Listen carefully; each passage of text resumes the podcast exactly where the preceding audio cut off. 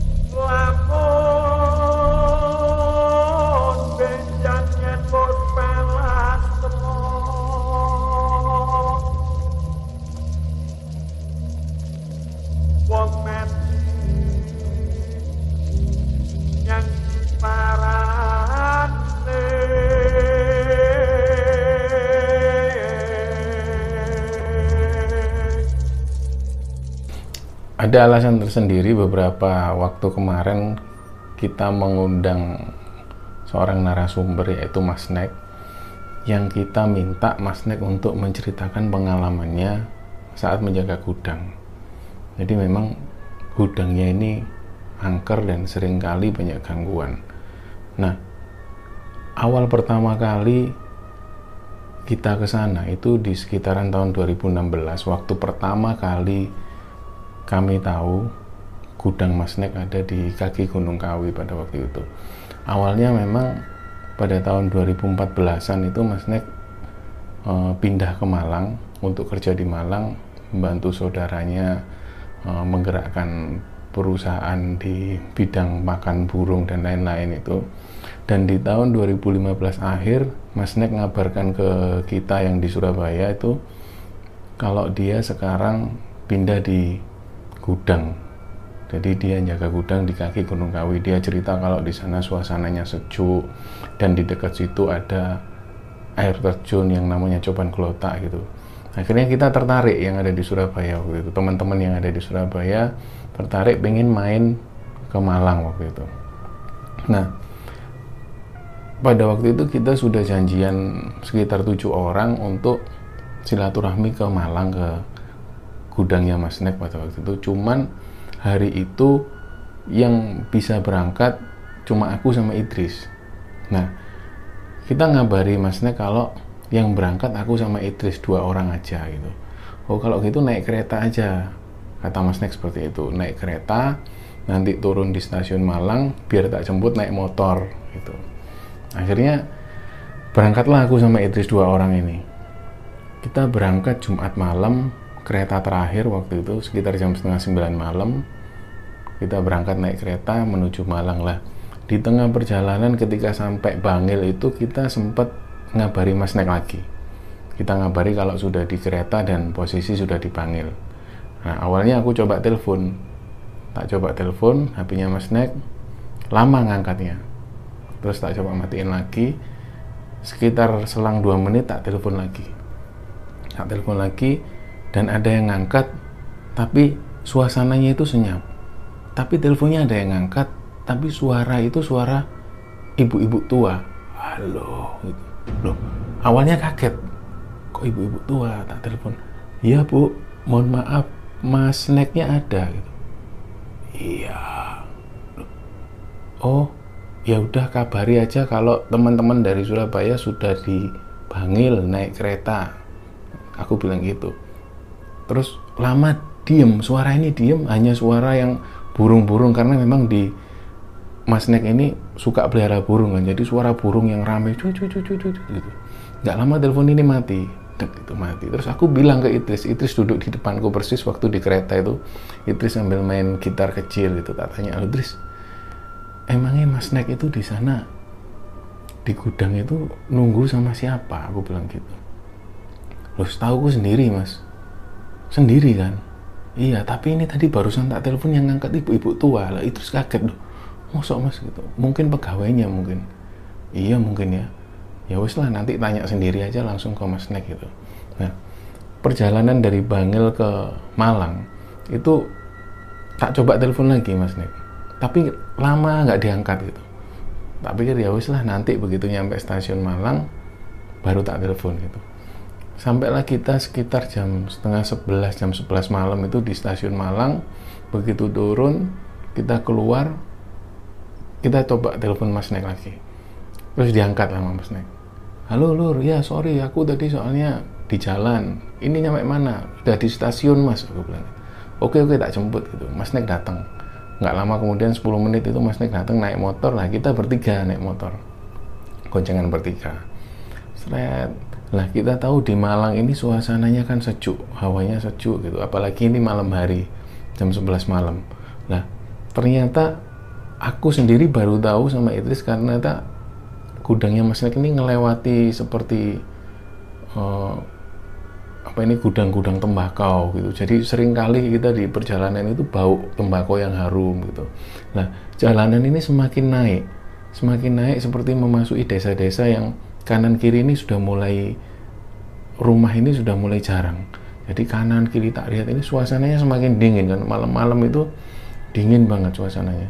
Jadi Malang yang dingin dan ditambah lagi ketika ini semakin naik, ini suasananya semakin dingin. Tak lihat kanan kiri itu sedikit rumah kadang itu kita ketemu seperti pohon-pohon yang pepohonan sengon terus kadang ini kita ketemu dengan perkebunan apa ini jagung gitu lama sekali. Dari stasiun itu sekitar satu jaman perjalanan. Begitu sampai di gudang ini aku juga kaget ngelihat gudang yang ukuran besar gitu dinding yang tingginya 3 meter waktu itu. Aku lihat ini gudangnya mas. Iya.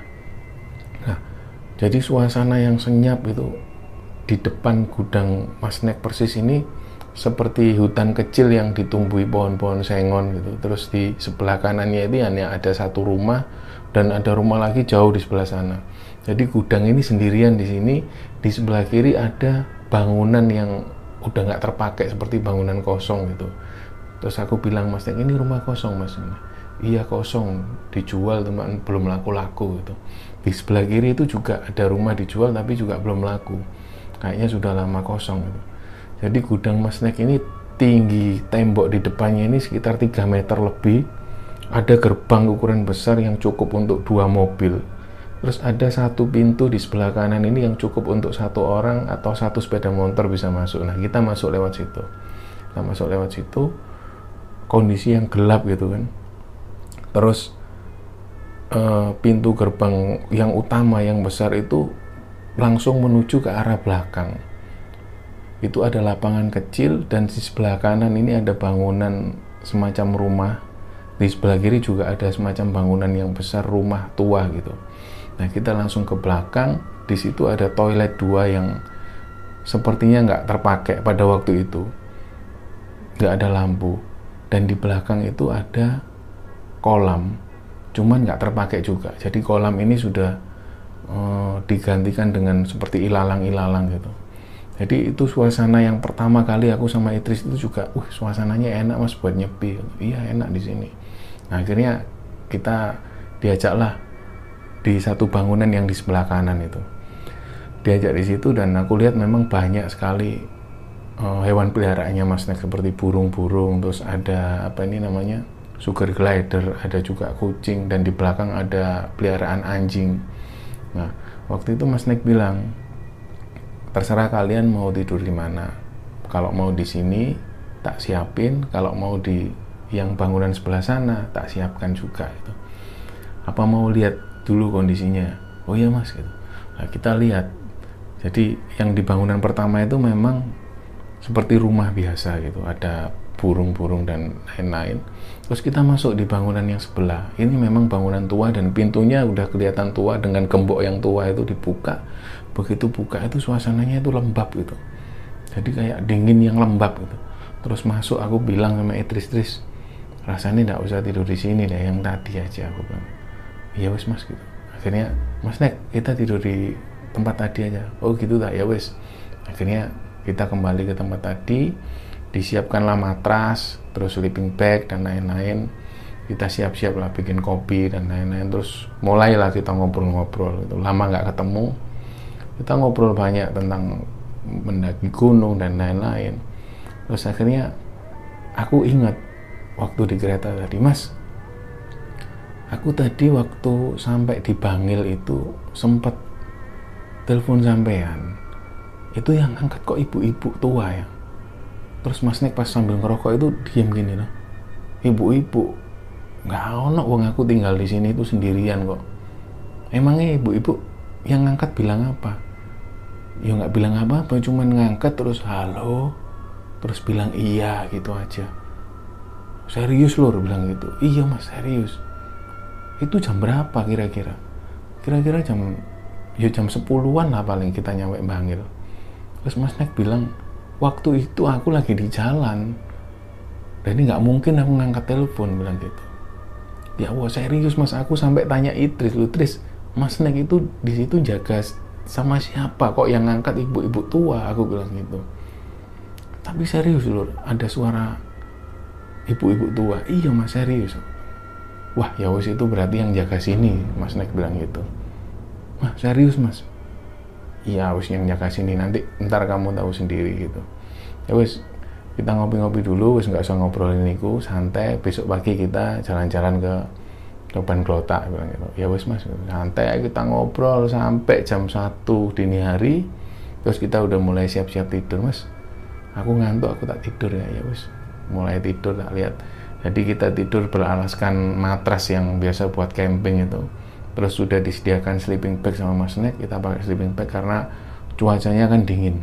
Mas Nek bilang nanti semakin semakin malam semakin dingin. Antara jam 2 jam 3 itu semakin dingin di sini. Makanya mending dipakai aja sleeping bagnya. Oh iya mas. Kita mulai tidur. Dan nggak tahu kenapa tiba-tiba itu kita udah tertidur.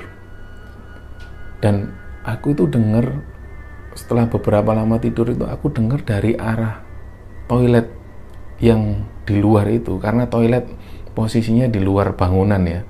Ada dua toilet yang aku bilang nggak terpakai itu nggak ada lampunya. Itu dari sana itu terdengar suara seperti orang yang lagi mandi gitu loh. Biar gitu. Biar gitu. Terus aku kebangun coba tak dengarkan secara saksama biar gitu. Karena aku lihat di situ Idris sama Mas Nek ini posisinya lagi tidur. Loh kan nggak ada orang lagi kecuali kita gitu. Terus siapa yang ada di toilet itu? Biar gitu. Nah dengerin aja. Mas mas Nek aku coba bangunin. Mas mas Nek mas Nek bangun. Ya lur kenapa lur? Mas kok ada orang di toilet? Hah? Terus mas Nek bilang kamu dengar orang mandi tak mas Nek bilang iya mas oh ya wis. Udah udah nggak usah didengerin lagi udah. Wis kamu tidur itu bentuk sambutan penduduk sini kata Mas Nek itu. Udah nggak usah didengerin lah. Ya wis aku tidur lagi. Sampai subuh hari baru kita bangun persiapan sholat subuh. Terus paginya kita jalan-jalan ke belakang itu yang ada kolam besar di situ. Itu ternyata kolam ikan yang udah nggak kepake terus di udah ditumbuhin ilalang-ilalang yang ada di situ. Nah jadi Mas Nek ngajak jalan-jalan di sekitar gudang situ. Ternyata di belakang ini ada toilet lagi yang seperti toilet jajar-jajar 5 itu yang udah nggak terpakai yang kondisinya udah nggak terawat gitu. Jadi terus Mas Nek bilang loh Mas sehari-hari sampai tidur di mana? Aku tidur di sini. Jadi Mas Nek menunjukkan satu ruangan itu bangunannya dari seng gitu yang udah nggak terawat juga.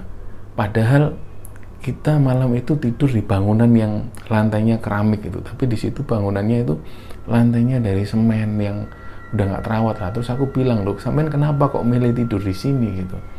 Ya nggak apa-apa aku pengen tenang aja. Kalau di sini ini sepi gitu. Aku lebih nyaman gitu. Nah memang Mas Nek ini memang agak-agak nyeleneh gitu orangnya dia memang sukanya menyendiri gitu kan jadi memang di situ Mas Nek itu tidurnya sehari-hari di situ dengan ruangan yang nggak terlalu besar di situ ada kasur kecil terus di belakang persis di belakang bangunan persis itu memang ada sumur tua yang sudah nggak kepake juga. Jadi ada sumur tua yang udah berlumut dan timbanya sudah berkarat di situ. Itu sering kali tak lihat kok suasananya suram di situ. Tapi katanya Mas Nek nyaman di situ gitu. Nah, ketika sudah selesai jalan-jalan pagi itu, kita mulai cari sarapan rawon di dekat situ ada rawon. Kita makan di situ. Sampai akhirnya kita jalan-jalan ke air terjun Coban Kelotak yang ada di dekat situ terus siangnya kita kembali lagi ke gudang kita ngopi-ngopi di situ ngobrol-ngobrol lagi sampai sekitar jam setengah tiga sore saat kita ngobrol-ngobrol itu tiba-tiba Mas Nek ini seperti nerima telepon yang sibuk gitu. Oh iya ya Mas. Nerima telepon gitu nggak lama sedikit-sedikit itu keluar dari rumah terus balik lagi sambil nerima telepon kayak nyari sesuatu gitu. Kenapa Mas? Iya ini sorry sih aku ada urusan kerjaan soalnya. Jadi ribet terus gitu. Nah akhirnya ngobrol lagi sih. Sorry sorry ya sorry ya tadi tak tinggal telepon. Ya mas. Kita ngobrol lagi ternyata ada telepon lagi masnya keluar lagi ngangkat telepon. Terus pas balik dia bilang lur sepurane ya ini terpaksa tak tinggal. Karena aku ada kerjaan yang harus tak selesaikan. Ini ada beberapa barang yang terselip dan berkasnya juga nggak tahu ke mana jadi aku harus ke Malang ke kota maksudnya. Jadi mereka harus dia harus ke kantor pusat ngurusi kerjaan ini. Jadi kalau nanti malam aku gak balik aku nginep di kota nanti kalian wis nggak apa-apa ya. Di sepurane dia bilang gitu. Wis anggap aja rumah sendiri gitu. Oh ya wis mas. Jadi itu sekitar jam setengah tiga jam tiga sore waktu itu. Akhirnya mas Nek pergi lah. Nah aku sama istri sendiri nggak ada transportasi kan. Jadi kita ke sana pakai motornya Mas Nek dan motornya dipakai oleh Mas Nek. Jadi kita tinggal berdua di situ. Terus kita tidak berpikir panjang kita harus ngapain tapi yang jelas wes yang penting urusan Mas Nek beres gitu. Jadi aku sama Etis di situ berdua sampai sore. Akhirnya aku bilang Tris kita cari mie ayam lo ayo ayo. Tak keluar dari gudang. Nah di situ memang suasananya ini sepi banget dan jarang ada orang jualan tapi ada satu orang yang jual mie ayam di dekat situ. Kita beli mie ayam di situ sampai menjelang jam 7 malam situ kita nongkrong-nongkrong di situ sebentar tapi keadaan di desa situ sudah mulai sepi gitu. Nah jadi bingung kita mau ngapain. Terus kita balik ke gudang kita nonton film aja. Jadi kebetulan aku bawa iPad yang udah terisi film gitu kan.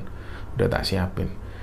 Jam 7 malam ketika balik ke gudang kita langsung nonton film di bangunan yang sebelah kanan itu. Kita nonton film aku sama Idris nonton film berdua.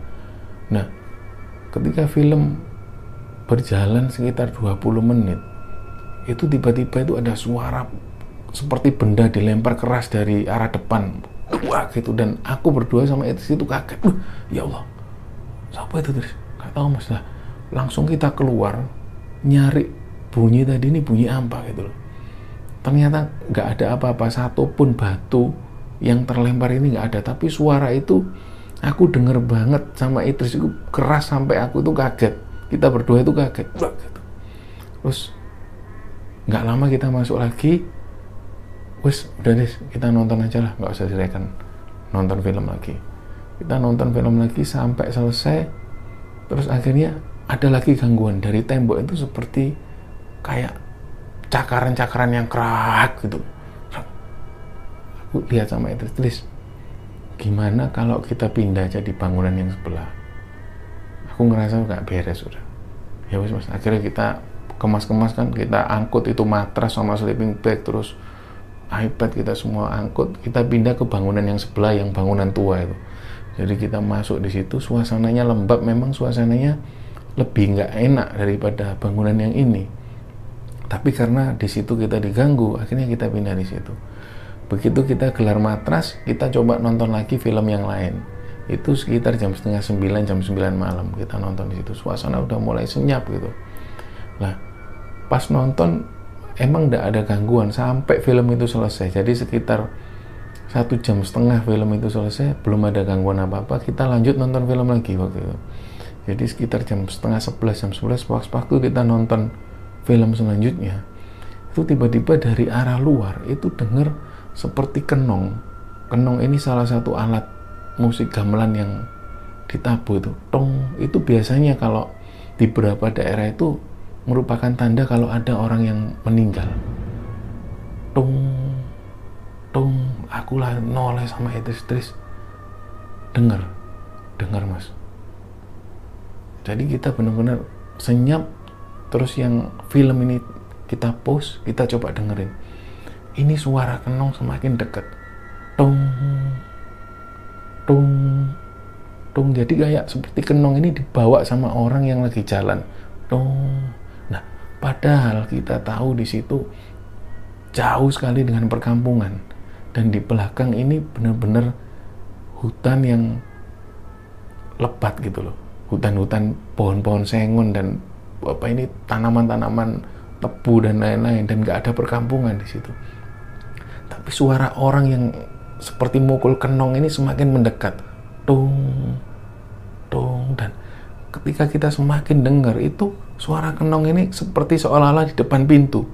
Tung semakin keras tung terus ayo terus kita kita cek aja kita cek aja. Jadi begitu kita cek buka pintu bret nggak ada siapa-siapa dan sunyi. Nggak ada lagi suara kenong gitu. Des, ayo kita pindah lagi ke sana. Aku bilang gitu. Ya wes mas kita pindah lagi. Jadi kita angkut lagi tuh matras kita pindah ke bangunan yang tadi kita rencana tidur. Nah pas kita ke situ sekitar jam setengah 12 malam itu kita baru aja gelar terus kita bingung mau ngapain karena film juga udah ditonton semua tapi posisi kita juga belum ngantuk. Nah aku coba inisiatif telepon Mas Nek. Telepon Mas Nek ternyata nggak diangkat. Nah tak telepon lagi nggak diangkat lagi nggak lama kemudian Mas Nek ini seperti balesi WA dia bilang Lur sorry ini aku lagi repot banget sampai sekarang masih ngurusi kerjaan sorry sepurannya sing banyak. Oke oke mas gitu. Lah kita juga nggak mau ganggu Mas Nek. Ya wes kita tetap di situ sekitar jam setengah 12 malam itu aku nyoba bikin kopi sama Idris yes, kita bikin kopi karena memang belum bisa tidur waktu itu. Saat bikin kopi santai kita ngobrol-ngobrol. Aku sama Idris ngobrol berdua gitu. Tiba-tiba yang suara anjing di luar ini mulai gonggong. Wow wow wow wow, wow. Aku sama Idris itu ingat kemarin siang ketika masih ada Mas Nek itu Mas Nek bilang ada dulu penjaga di sini yang jaga gudang ini. Itu selalu ketika mau didatengin makhluk halus itu tanda tandanya itu selalu anjing menggonggong yang pertama. Yang kedua, suara burung-burung ini seperti gelagapan nggak karuan, kayak terganggu gitu loh.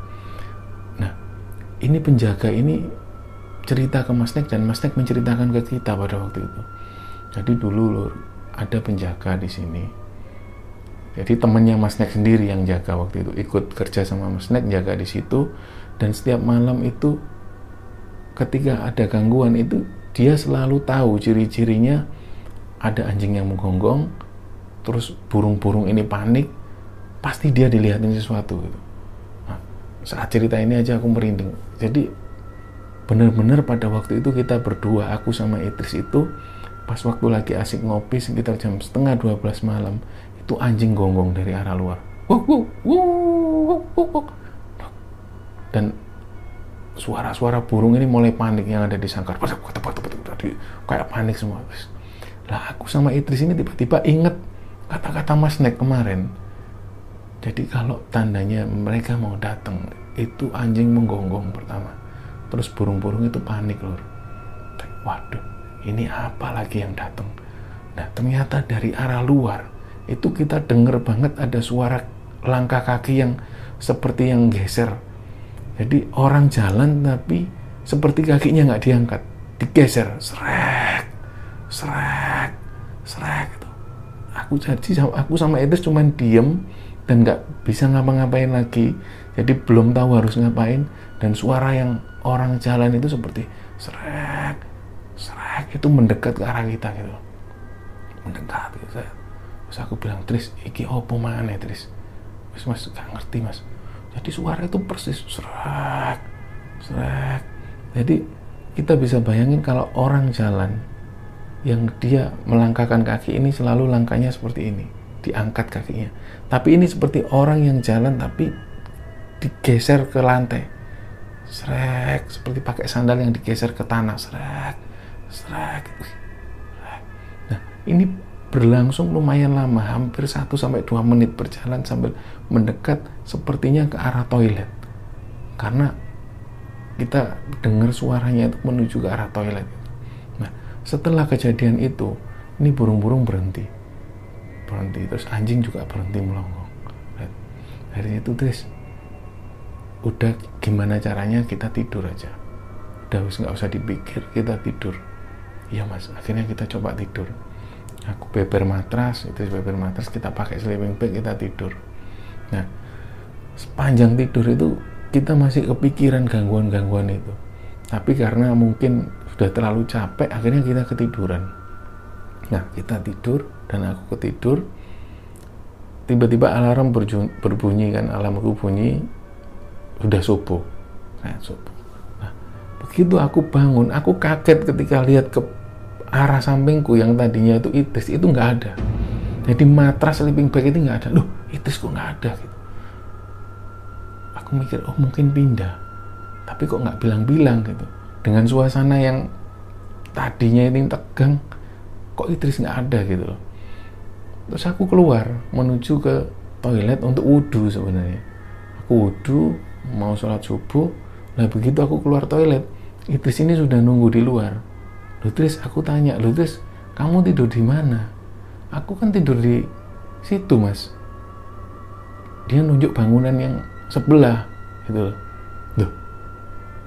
kan semalam kamu tidur sama aku di rumah ini loh nggak keliru mas. Itu bilang gitu nggak keliru. Bukannya kita tadi semalam itu tidur di bangunan sana. Loh lah jadi kita kayak orang bingung loh. Lah semalam kan kita nonton di rumah ini. Iya dijelasin. Kita urut satu persatu. Terus kita diganggu hal semacam ini. Terus kita pindah ke sana. Iya. Terus kita diganggu lagi kita pindah ke sini. Iya. Terus kita mutusin tidur kan Tris? Terus kamu tidur di samping. Iya mas tapi kita itu tidur di sana. Tak kira sampean yang pindah lo enggak Tris. Kita itu tidur di sini. Jadi kita saling bingung gitu loh. Kayak seolah-olah itu kita nggak tahu kita tidur di mana terus ada yang mindah salah satu gitu loh. Nggak tahu yang dipindah ini Idris atau aku yang dipindah ke rumah ini. Yang jelas malam itu kita tidur bareng-bareng terus bangun-bangun kita udah berpisah gitu loh. Setelah sholat subuh terus pagi kan udah mulai pagi udah matahari mulai terbit kita nongkrong di depan situ. Di depan sambil ngadep ke kolam gitu. Nggak lama kemudian Mas Nek ini datang sambil bawa sarapan itu. Oh sorry sorry kemarin. Nah, Mas Nek cerita kalau sorry aku banyak urusan kemarin jadi aku nggak bisa balik sini. Akhirnya kita sarapan bareng. Barulah aku cerita Mas Nek ya Allah Mas Nek gudangnya sampai ini luar biasa angkernya. Kenapa lu ya cerita cerita.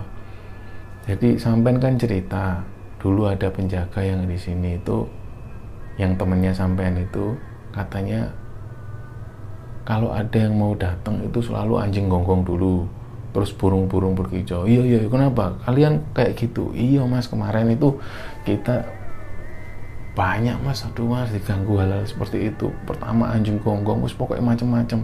Ada suara orang nabu kenong gitu loh mas. Nah mau soal iya mas ada orang mukul kenong tak kira ada orang mati. Padahal sini kan jauh dari perkampungan iya sini tidak ada kampung jauh di sana. Mas Nek bilang gitu. Lah terus kok ada suara orang nabu kenong gitu loh mas. Waduh wis. Ya wis itu perkenalan lah katanya mas Nek itu. Terus aku bilang lagi yang terakhir mas aku tidur sama Idris itu di rumah ini. Nah bangun-bangun Idris itu nggak ada. Ternyata Idris ngakunya dia tidur di bangunan yang sebelah sana loh serius itu? Iya. Akhirnya Mas Nek cerita. Gini tak ceritaan ya. Dulu gudang ini bekasnya gudang tembakau.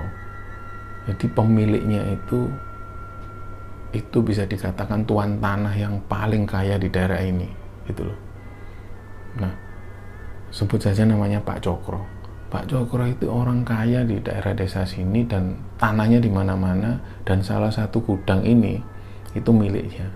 Dulu ini beliau usahanya tembakau. Nah Pak Cokro ini sering kali punya kebiasaan aneh. Kadang itu setiap menjelang maghrib beliau itu hanya pakai kaos duduk-duduk di depan gerbang mengawasi anak buahnya dan kadang-kadang itu ketika anak buahnya masuk itu ngelihat Pak Cokro ada di depan dan ketika anak buahnya sudah sampai di belakang tiba-tiba Pak Cokro ini lagi santai di belakang sambil ngerokok gitu. Loh kok Pak Cokro ada di belakang? Itu sering kali terjadi. Nah banyak orang terutama orang sini yang bilang kalau Pak Cokro itu punya ilmu seperti ilmu yang uh, ilmu yang kebal diri gitu loh. Jadi dia punya ilmu itu. Dan kebiasaan Pak Cokro itu selalu dia ini ngasih atau masang seperti makhluk-makhluk goib untuk jaga asetnya terutama aset gudang ini. Jadi di gudang ini dulunya Pak Cokro sengaja menempatkan sosok gondruwo di pojokan situ terutama di toilet terus di gudang itu satu di sini satu dan di belakang kolam ada satu yang jaga. Aku loh maksudnya kenapa nggak bilang dari awal? Wah sorry lur aku sendiri juga sibuk sama urusan kerjaan jadi sebenarnya aku mau cerita kalau di sini itu penunggunya memang sengaja. Jadi begitu Pak Cokro ini bangkrut dan gudang tembakau ini bangkrut dijual lah ke bosku. Pada saat itu mungkin penjaganya ini nggak dicabut jadi dibiarkan di situ. Dan sampai hari ini masih ada di situ terutama di sumur situ dan di belakang kolam. Di sini ada satu dan analisaku kata Mas Nek analisaku itu ada dari salah satu dari kalian ini yang memang sengaja dipindahkan waktu tidur karena memang sering kali dulu penjaga-penjaga yang di sini ini temanku itu juga sempat ngalami seperti kalian dipindahkan tidur. Kalian masih mending dipindah. Nggak tahu nggak tahu kamu atau Idris ya Mas Nek bilang. Nggak tahu ini yang dipindah siapa tapi yang jelas salah satu dari kalian pasti ada yang dipindah. Nah, dulu itu memang ada temanku yang sempat dipindah itu di depan toilet persis. Jadi dia bangun-bangun itu kaget lu kok ada di depan toilet? gitu. Besoknya dia udah nggak mau lagi kerja di situ. Terus sempat lagi orang yang deket sini itu kerja ngelamar di sini, diterima, dia jaga gudang ini. Padahal penduduk sini, dia juga ngalami hal aneh didatengin sosok perempuan ibu-ibu tua gitu dengan wajah yang menakutkan ngadep ke depan mukanya persis gitu. Akhirnya dia nggak betah tidur di situ. Ya, sering kali kejadian-kejadian semacam itu gitu. Nah, hari itu ketika Mas Nek membeberkan semua tentang makhluk-makhluk yang ada di gudangnya itu ya kita cuman bisa ketawa kecil dan gimana aku sama Idris Lutris ini apa aku atau kamu yang dipindahkan di malam terakhir itu? Nggak ngahu mas. Tapi yang jelas aku itu ngerasa kita itu tidur bareng. Iya memang kita tidur bareng tapi di mana? Nggak tahu di bangunan ini atau di bangunan itu. Tapi yang jelas bangun-bangun kita udah terpisah gitu loh. Terus Mas Nek bilang lagi terus tentang yang kamu bilang waktu kamu telepon yang angkat ibu-ibu tua itu itu aku pernah didatengin lor jadi Mas Nek cerita sekitar subuh waktu Mas Nek tidur di belakang di dekat sumur tua itu itu ada sosok ibu-ibu tua hanya pakai kemben terus bawa ini jarik batik gitu. Dia bawa kendi dia masuk ke kamar Mas Nek itu terus seperti membangunkan Mas Nek itu lah posisi Mas Nek sadar antara sadar nggak sadar dia bangun dia melihat mukanya itu ketutup rambut ke depan gitu. Tapi dia tahu persis itu sosok perempuan tua karena jalannya juga agak bungkuk gitu kan. Hanya dibangunin seperti itu terus sosok ibu-ibu ini keluar gitu aja. Tapi anehnya ketika Mas Nek bangun ini pintu kamarnya ini kebuka. Padahal sudah jadi kebiasaan Mas Nek ketika tidur pintunya dikunci. Nggak hanya ditutup tapi dikunci lah kali itu ketika ibu-ibu ini datang pintunya kebuka lebar gitu itu sekali itu aja Mas Nek ketemu dengan sosok perempuan itu dan Mas Nek bilang mungkin yang angkat telepon waktu itu, yang kamu telepon yang angkat ibu-ibu mungkin sosok perempuan itu. Nah, itu pengalaman kami pertama kali ketika menginjak gudang Mas Nek. Nah, setelah kejadian itu kami masih sering main ke situ bahkan rame-rame. Kadang juga sama teman-teman naik mobil bareng main ke situ. Setelah sebelumnya kita nongkrong di kafe di daerah Malang malamnya kita nginep di situ, paginya jalan-jalan ke daerah Gunung Kawi atau ke air terjun Coban Kelota gitu. Jadi setelah kejadian itu kita semakin sering berkunjung ke gudang masnek yang ada di kaki Gunung Kawi itu. Dan kejadian-kejadian semacam itu juga semakin sering juga kami alami cuman kami juga nggak terlalu kaget. Cuman yang mengagetkan adalah pertama kali ketika kami singgah di gudang itu dengan gangguan-gangguan yang sampai dipindahkan dari tempat yang satu ke tempat yang lainnya itu yang paling berkesan pengalamanku sama Idris. Itulah kenapa uh, kami berusaha mendatangkan Mas Nek sebagai narasumber untuk bercerita langsung karena mungkin beliau yang lebih berkompeten dalam urusan ini apalagi beliau jaga gudang itu sendirian selama beberapa tahun.